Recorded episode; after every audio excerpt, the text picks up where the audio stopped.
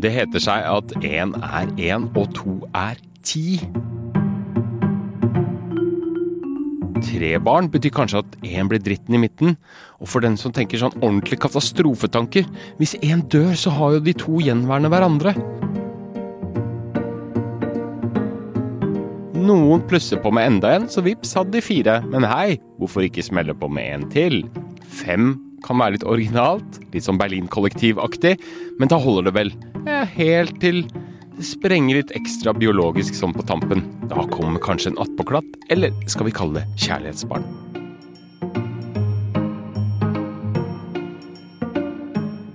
Hvor mange barn må man egentlig ha for at lykken skal bli komplett? Hva er egentlig svaret på det, Hedvig Montgomery? Ja, vet du hva, det er et utrolig godt spørsmål. Takk. Eh, Og svaret på det er at det er det ingen som vet. Nei. Det kommer an på hvor mye kapasitet dere har. Det kommer an på hvor lett disse barna kommer til dere. Eh, For barn er ikke bestillingsvare på internett, eh, i hvert fall ikke sist jeg sjekka. Nei, det er vel ikke det. Eh, Og det kommer an på hva slags familie dere skal lage. Så ja, jeg ser lykkelige familier med alt fra ingen barn til ti barn. Jeg vet ikke, men jeg vet at hvor mange barn du får, påvirker hvordan familien fungerer. For å begynne et sted, da. Enebarn. Her finnes det veldig mange myter. At de blir bortskjemte, uselvstendige, egoistiske. Men hva er egentlig fordelen, da? For å gjøre det litt mer positivt her, med bare å ha ett barn? Og så må jeg bare si at jeg tenker jo at du innleder med å si ett barn eh, er ingen og to barn er eh, ti, eh, som vel det er man pleier å si. Jeg tenker at den store forskjellen er på om man har barn eller ikke har barn. Ja. Og det å ha et barn, det er å gå fra å være to voksne til å være en familie som, eh, som er en ganske betydelig overgang. Og klart det endrer noen ting. Dere kommer til å leve annerledes, dere kommer til å snakke om andre ting. Dere kommer til å snakke mye om dette barnet. Om det er noe fint med å ha et barn, det er noe kjempefint med å ha et barn. Dere har tid, oppmerksomhet, muligheter til å eh, være med barnet og det det driver med, på en helt annen måte enn eh, de som kanskje forstrekker seg. I hvert fall vanligvis. Men herligheten. Det finnes også dem som, eh, som opplever at ett barn er alt, alt, altfor mye. Mm. Klart det er det. Så her, her finnes alle muligheter. Det som er, det er lett å reise med et barn. Mm. Det er lett å ta med seg på ting. Eh, du trenger ikke å gjøre så mye med bosituasjonen nødvendigvis heller, for et barn tar ikke så mye plass. Så visst er det en del, eh, kanskje til og med fordeler med å ha ett barn, og hvis du også kjenner at du har begrenset med ressurser på, på hvor mye tid du kan bruke, eller hvor mye penger, så er ett barn kanskje akkurat det denne familien skal ha. Mm. Mm. Men er det noe i de mytene som jeg nevnte her eh, i stad? Altså, altså, hva er ulempene, eh, for å kalle, i anførselstegn, da, med å ha bare ett barn, da? Jeg tror at eh, hvis man først er så heldig at man har et barn, så er man for det første heldig. Ja. Uh, og jeg ville alltid begynt der. Og så tenker jeg ja, men det kan være litt ensomt å være det eneste barnet, fordi de, eh, det er Hvis du er én voksen, så blir det veldig sånn én voksen og ett barn. Det er litt smått. Uh, og det å lage en slags løft over det uh, krever litt hjelp utenfra. Eh, altså venner, eh, storfamilie, noen som trekker det litt større. Mm. Og er dere to voksne, så blir det barnet veldig bare én, og de er to voksne og ett barn. Det er liksom alltid de voksne som vinner, da. Eh, så jeg, jeg tror at eh, det blir litt lett sånn voksenkultur. Man snakker voksent, man snakker om voksne ting, man gjør ting. Selv om man tilpasser seg barnet mye, så kanskje det blir litt allikevel blir det litt mye på de voksnes eh, premisser. Så jeg tror at fellen med bare ett barn, det er nettopp at man lager seg en liten voksen.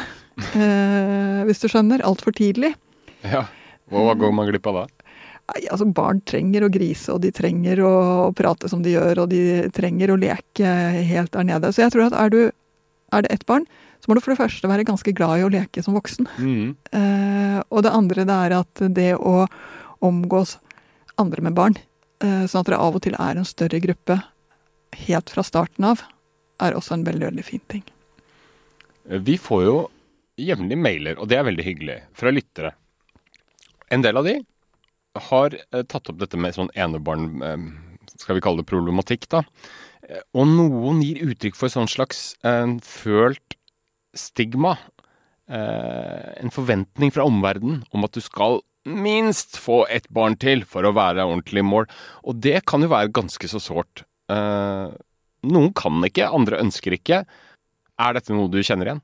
Ja, ja. Uh, ganske rart, fordi når folk ikke har barn, så er det klart de fleste skjønner at de skal være litt forsiktige med å spørre. At det kan være Ja, noen noe er ikke så veldig flinke til å være Noen er ikke så det. flinke. Men tross alt, de fleste har en liten sperre på det. Men når man har fått ett barn, så er det akkurat som alle de sperrene er sluppet. Ja, Da er det bare å spørre når kommer nestemann. Det er liksom bare detter ut av hvem som helst. ja, Og så er dette et privat spørsmål, altså det er det jo virkelig. ja. Eh, hva som gjør at, eh, at ett barn er helt perfekt for oss, er kanskje ikke noen ting vi trenger å, å skrive en hel eh, utredning om til alle i omgivelsene. Så det er Kanskje spørsmålet er mer invaderende enn det det er ment som. Jeg tror jo folk stiller dette spørsmålet av begeistring. Mer enn de stiller det av at, de, at de trenger å få vite alt dere tenker. Eh, Så jeg, jeg tror bare man må lære seg å turnere det når man eh, av en eller annen grunn eh, vil ha ett barn, eller får bare ett barn. Så er det bare sånn Å få bare finne en måte å tenke at ja, men spør fordi de vil oss vel, og de vet ikke hva som er vel for oss. Men så kan man jo bli møtt av uh, mas fra barnet selv også, om at de gjerne skulle hatt en søster eller en bror. Uh, og en annen lytter som skrev til oss, uh, nevnte det at barnet allerede fra ganske ung alder da, uttrykte redsel for å bli aleine når moren og faren en dag kanskje Ja, det gjør det helt sikkert, men altså blir borte. Hva, hva ville du svart da, hvis, hvis man har, ikke ønsker flere, og, og, og barnet stiller sånne spørsmål? Ja, det, jeg husker jo godt tilbake igjen fra barnehagetiden til min førstefødte, hvor han og jeg bodde alene. Ja. Eh, Og så hadde de hatt seksualundervisning i barnehagen, og han hadde lært seg om de millionene av sædcellene. Ja. Eh, Som helt klart var fascinerende for en liten gutt på eh, fire-fem år. Så da vi kom hjem, så satte han seg ned, og så tok han frem et ark og begynte å tegne. og Det var utypisk for han, han var ingen tegner. Og det han tegnet, det var massevis av eh, Som for meg så ut som ruter. Så jeg spurte hva det var for noe. Nei, han drev og tegnet opp leiligheten vår på nytt. Og så sa jeg ok. Og så han, for han laget rom til alle de barna som skulle komme, for nå skjønte han jo at uh, han hadde trodd at han bare hadde lyst på ett søsken, men nå skjønte han jo at det var millioner av sædceller. Ja, ja, ja. Så dette var hans da forestilling om hvordan det da bare skulle komme rennende inn barn i en familie hvor det ikke engang var en mann. Altså det er jo ganske det var, ja, det var i hvert fall langt unna, kan jeg vel si. Ja. Og han traff jo også, må jeg helt ærlig si, et litt sårt punkt hos meg. Eh, som absolutt ønsket meg flere barn, og som satt i en situasjon hvor eh, akkurat da trodde jeg jo aldri at livet skulle bli annerledes. Mm. det, det var som det var. Så det er klart at den der De ser på søsken, de ser på, på andre venner som har to, de ser på den der selvfølgeligheten i å dra hjem og være flere barn. Og det er klart det er noen ting de kan ønske seg, men så ser jeg jo også at de barna som har søsken, til tider ønsker seg at de var alene og misunner enebarna som får så mye oppmerksomhet og får bra matpakker og alt dette her som, som de får. Så jeg ser at det at et barn gir uttrykk for ønske om søsken, er vel nettopp det at man av og til ønsker seg det gode man ikke har. Og de ser jo ikke hvilke ulemper som følger med dette søskenet som de da ønsker seg. Nei. Noen barn som bor i stor, ø, flott villa, kan jo også ha veldig veldig lyst til å bo i en veldig trang leilighet isteden, fordi det er det noen andre i barnehagen som gjør. For å si det sånn, femåringens drøm er lite og tett, og gjerne mikrohus. Eh, se på eh, mikrohusserie på, på TV, og du vil skjønne hvordan en femåring drømmer seg inn i den der tett, tett, tett sammen. Ser ikke sjarmen i det å ha 200 kvadrat.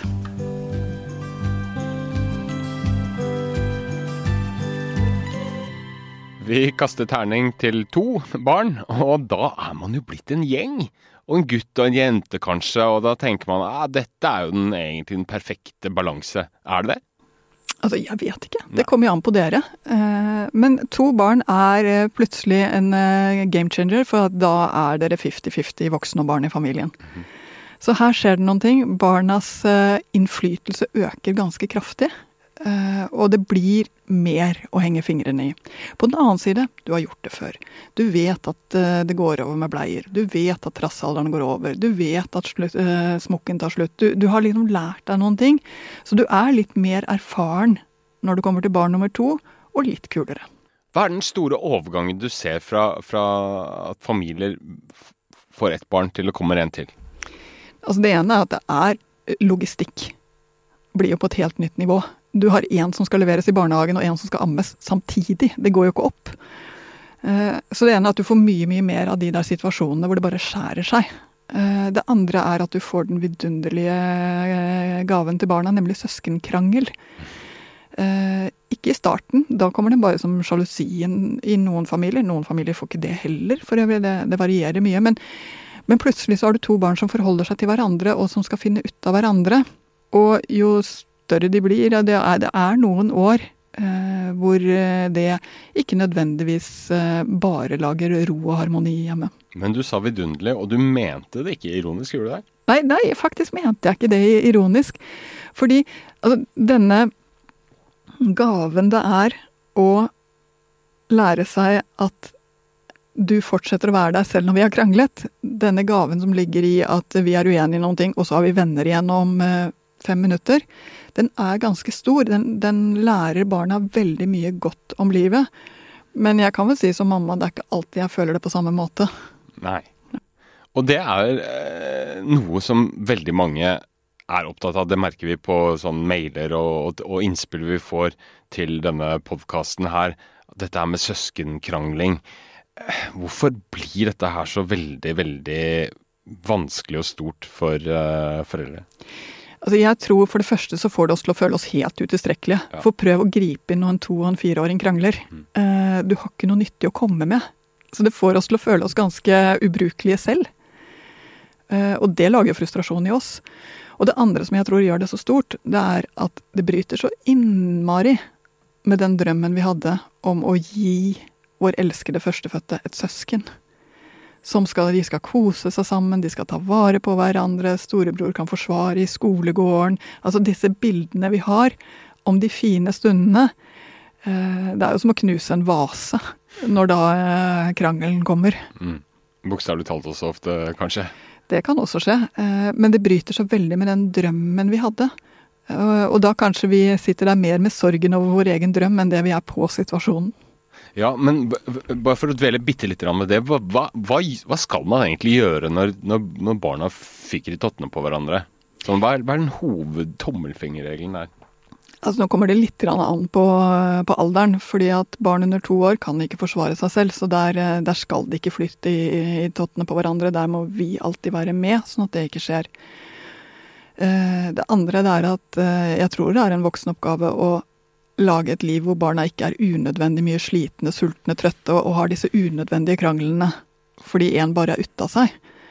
Men når barna nå en gang krangler om den vannpistolen som det bare finnes én av, eller om øh, fjernkontrollen, eller om øh, hvem som skal få lov til å sitte på fanget til mamma, øh, eller som skal få lov til å være med ut og, og rake Altså det er Det ene er å skjønne at dette er faktisk viktig for dem.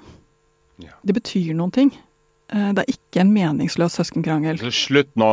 Det holder ikke. Nei, holder ikke. Eh, du må rett og slett bare tenke å, nå krangler de om noe som betyr noe for dem, selv om jeg ikke skjønner det. Hvis du bare har rukket å tenke den tanken, så er du mye mer nyttig inn i situasjonen. Eh, hva skjer for noe her? Å ja, bare én vannpistol. Hvordan skal vi løse det? Da kan du liksom gi noen sånne små små, små verktøy underveis som på et eller annet tidspunkt kommer de til å ha skjønt hvordan de skal bruke det. Det tar bare noe sånt som ti år. Men å avbryte krangelen, er det lurt? Altså Noen ganger så er det bare å, roe ned som er den eneste muligheten. Eh, når du har barn som krangler f.eks. For, for at det er rett hjem fra barnehagen og, og skole, og de er slitne og, og, de krangler fordi det er det eneste de får til. Det er ikke noe krangel som er noe å løse, det er ikke noe som, som fører til noe. Da er det bedre med et uh, glass sjokomelk og iPaden, eller for den delen en banan og, uh, og ene er med å hjelpe, hjelpe, til med å lage middag, og den andre sitter og leser litt. Altså, da, da, er det bare å skille. Så den type krangler, det tenker jeg bare ro ned og, og få det til å skje noe annet. Eh, mens krangler som er om noe, eh, der er det noe annet som trengs. Der må du inn og være Enten bare la dem bli ferdig med det selv, som faktisk ofte er en løsning, eller du må være til nytte for å få løst det. Ja, vi har hatt uh, noen episoder vi faktisk om uh, dette med søskensjalusi og søskenkrangel tidligere. Det kan du finne uh, hvis du går tilbake i katalogen. Og vi kommer sikkert tilbake kanskje med egne episoder om det senere. Men nå skulle vi gå litt videre på dette her med antall barn, fordeler og ulemper. Hvis, går, hvis, det går an å dele opp sånn, da. Tre barn. Hva skjer med dynamikken i en familie da? Altså, Tre barn er jo absolutt en, en større gjeng. Eh, og da får du fylt opp bilen. Mm. Eh, ganske praktisk. Tredjebarnet tredje barnet føler du ofte når du får, så er det liksom sånn Dette kan du føde, kan du spedbarnstid? Det, er, det er litt sånn Det blir noe annet. Samtidig så er det helt klart. Hvert barn som kommer inn i familien, er sitt eget. Kommer inn med noe nytt. Er litt annerledes enn de andre. Du lager ikke kopier. Et barn er ikke et barn. Et barn er så absolutt et individ og et menneske, og vi vet aldri hvem som kommer før vi ser, får det der første blikket inn og vi begynner å ane at åh, hvem er dette? Uh, så hvem det er, betyr jo mye for hvordan det blir. Mm. Uh, Tredjebarna har jo den luksusen ofte at de ofte får plass til å være mer viljesterke, f.eks. For eksempel. uh, fordi det er ikke like ille for foreldrene at de er det. Så, så, det skjer ofte noe nytt med at du da får inn en med knallvilje, rett og slett fordi nå var det plass til det. Eh, og jeg ser også at da Igjen, vi vrir til et hakk på logistikk. Mm. Mer som skal hentes, mer som skal bringes, mer som skal vaskes, mer som skal legges på plass. Mm. Men vil du si at man bør gjøre noen forhåndsvurderinger før man uh, vurderer å få et uh, tredje barn, eller er det bare å gå etter magefølelsen og, og ønske, ønskene? Altså, dette er jo et godt spørsmål. Uh, fordi vi er jo ikke så himla rasjonelle. Og jeg tenker av og til at dette spørsmålet som vi nå har fått, nemlig hvor mange barn skal jeg ha, som er et veldig aktivt valg Jeg tenker av og til når jeg sitter med mennesker på kontoret mitt som har dette spørsmålet som et problem inn i akkurat sitt parforhold og sin familie, at jeg vet ikke om vi har hjernekapasitet egentlig til å vurdere, ta rasjonelle vurderinger på noen ting som er så biologisk drevet og så intuitivt og så natur. Eh, så spørsmålet blir jo ofte litt rart. Mm. Fordi du har så innmari lyst på et barn til, og så finner du gode argumenter for det å få et barn til, mens den andre kanskje kjenner at åh, jeg orker ikke det, for hvordan skal det da gå med trening og jobb og sånne ting, og, og kjenner bare en sånn åh, spar meg, to må da være nok og finner argumenter for det. Mm. Eh, så man argumenterer så veldig logisk ut ifra den der grunnfølelsen.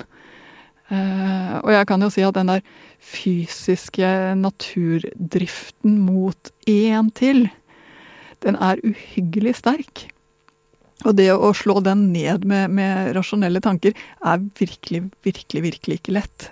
Eh, så det er sprengstoff inn i mange parforhold, dette her. Men er det typisk eh, at det er damene som virkelig, virkelig kjenner sånn, hva skal man kalle det da, biologisk trang, mens, mens menn er mer sånn rasjonelle og veier for og mot og kommer til et nei fordi at de må ha større bil? Altså, menn har jo en fordel, eh, nemlig at fertiliteten deres varer mye, mye lengre. Ja. Sånn at den der skrustikkepanikken Eh, jeg har ikke noe skulle, altså det er rett og slett en følelse som er vanskelig å beskrive, og jeg vet ikke helt om jeg klarer å formidle det til en mann på ekte. Mm. Fordi det er en sånn now or never-følelse som er så intens. Og det, komme, og det, å formidle den intense følelsen til en som ikke har den, det er omtrent som å forklare forelskelse til en som aldri har vært forelsket. Altså det er, det er veldig vanskelig.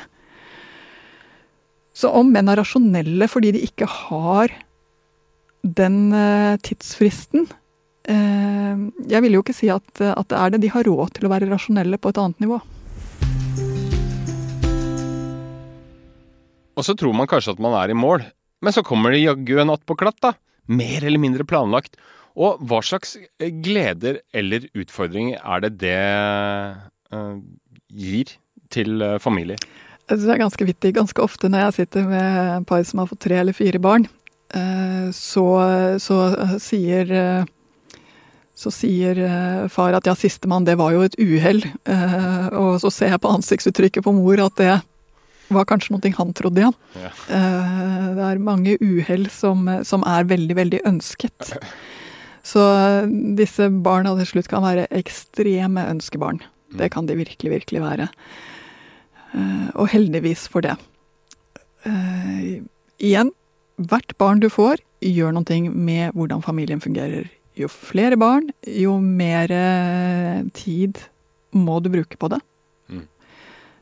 Enda mer som skal følges opp, enda mer som skal uh, hentes og bringes. Men du får stordriftsfordeler. Fordi du har jo det meste av greiene hjemme. Du lager disse barnevennlige middagene uansett. Du har fått det litt inn i fingrene. Jeg syns ofte det er fascinerende når jeg er hjemme hos de større familiene, hvor godt det fungerer.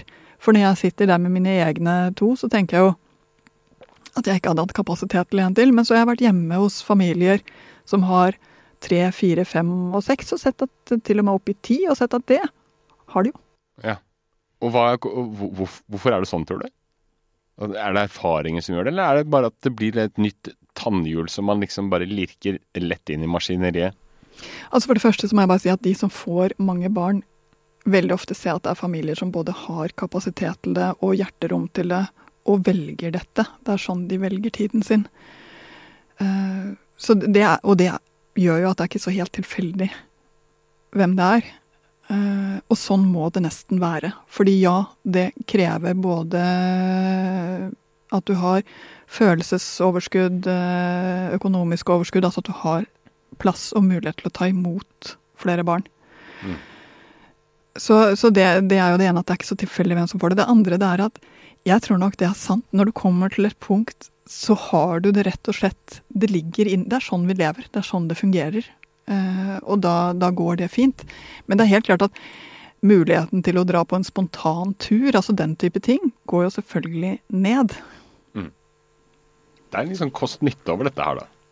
Ja, litt sånn kost-nytte. Men det, det, er jo også hva slags kultur vi får. Jeg er jo selv oppvokst i en familie hvor vi var fire det er klart at det var mye gjeng over det. Det var Vi barna hadde mye intern humor, hadde mye våre greier som de voksne overhodet ikke var med på. Eh, sikkert mange grunner til det. Eh, men jeg husker jo hvordan en av de jeg syntes det var morsomst å være hjemme hos, han hadde ni søsken. Ja. Nei, faktisk ti. De var et helt fotballag. De var elleve. Ja. Og fulltidsarbeidende foreldre. Ja. Eh, så det betød at hjemme i det huset, som var ganske stort, apropos, det var så spennende å være der. Det var en barnekultur som var helt, helt annerledes enn i vår stusslige lille familie som bare hadde fire barn, hvis du skjønner. Mm. Eh, det var enda mer av denne eh, følelsen at, at, barna hadde sin verden og sitt liv. Mm. Mm. og så kan man jo si at det det er jo klart at det, det er ikke bare bare å holde det der i sving. Et begrep som du nevnte på forhånd, last baby blues. Det har jeg ikke hørt før. Jeg har jo hørt baby blues, men last baby blues, hva er det for noe egentlig? Ja, Det må jeg bare si. Jeg vet ikke om det er et så godt begrep, men jeg har i hvert fall kjent på det selv.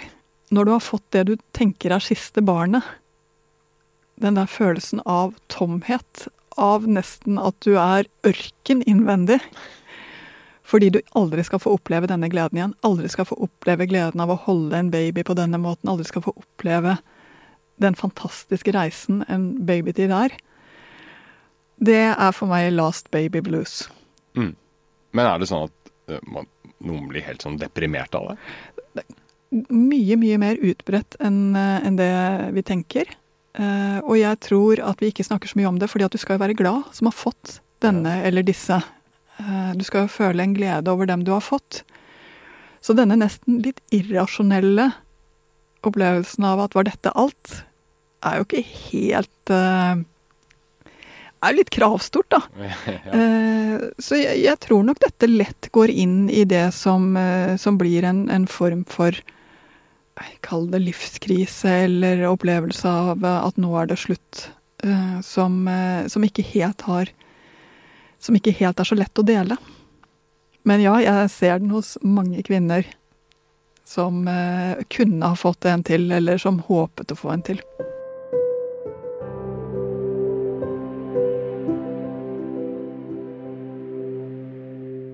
Ok, så det er, det, er, det er, vanskelig å si hva som er fordeler eller ulemper. Det finnes ikke noen objektiv sannhet rundt hvor mange barn som er riktig. Men jeg var litt inne på myter i stad, og det finnes jo en del myter om hva konsekvensene blir etter, etter hvor man havner i søskenflokken. Vi har f.eks. denne dritten i midten ved treerkonstellasjoner, for å kalle det det. Det avglemte barnet. Har dette her noe som helst å si Uh, om vi er en attpåklatt, eller om vi er dritten i midten, eller hva vi er, for, for, for, for hvordan det går uh, med barna? Nå er du inne på noen ting som jeg syns er interessant. fordi ja, selvfølgelig, altså hvilket liv du lever, betyr jo noen ting for hvem du blir. Så da har jeg klart det. Samtidig er jeg så lite glad i denne forskningen som slår fast med bred penn at uh, yngstemann blir kunstnerisk, og eldstemann mm. blir leder, og den som går i midten, uh, er den uh, For det første så er det ikke sant. Det er mye, mye mer nyanser enn som så. Eh, og personligheten til barna spiller mye, mye mer inn enn som så. For det andre så blir det en litt sånn selvoppfyllende profeti. Eh, en av mine mest fremgangsrike, selvstendige, morsomme venninner Hver gang jeg ser at hun snakker om seg selv som dritten i midten, så kjenner jeg at det krymper seg i meg. Fordi Nei, det er ikke det som er blitt livet hennes, og det er ikke det som er sannheten. Men ja, det er jo også sant at det å være den i midten gjør at du får Du må klare deg litt mer selv. På godt og på vondt. Det er jo sant at den som kommer sist, får det litt eh, enklere fordi man ikke får like mye pes for hver minste slinger i valsen, fordi foreldrene har lært seg at det går over, som er noe fint. Men kanskje blir du litt glemt. Det er noe fint med det å være eldstemann og virkelig få den der nybegynnerbegeistringen til foreldrene. Du blir i hvert fall fulgt opp så det holder. Men kanskje kan det noen gang bli litt mye. Altså Det er fordeler og ulemper som, som jeg ser går igjen i de fleste familier. Men jeg tenker at vi skal være forsiktige med å lage for sterke begreper eller ord om hva dette betyr for resten av livet. Det å lage et godt liv og god plass for utvikling for hvert av barna er egentlig oppgaven, uavhengig om det er nummer én, to eller tre. Eller lenger ut. Så da er jo egentlig valget bare ditt? Ja, kanskje. Men igjen, det er ikke engang sikkert at du klarer å lage første barnet. Selv om du ønsker. Det er ikke sikkert at du får nummer to eller nummer tre, selv om du ønsker. Barn er ikke bestillingsvare. Og kanskje er det noe av det som gjør det fint også. Tusen takk for at du lyttet på denne episoden. Vi er tilbake neste mandag. Da publiserer vi en ny episode på, her på Podme, eller eventuelt via ap.no, som du kanskje hører oss via. Håper du får en fin uke med ett, to, tre, fire, fem, seks, sju eller åtte barn. Ha det bra.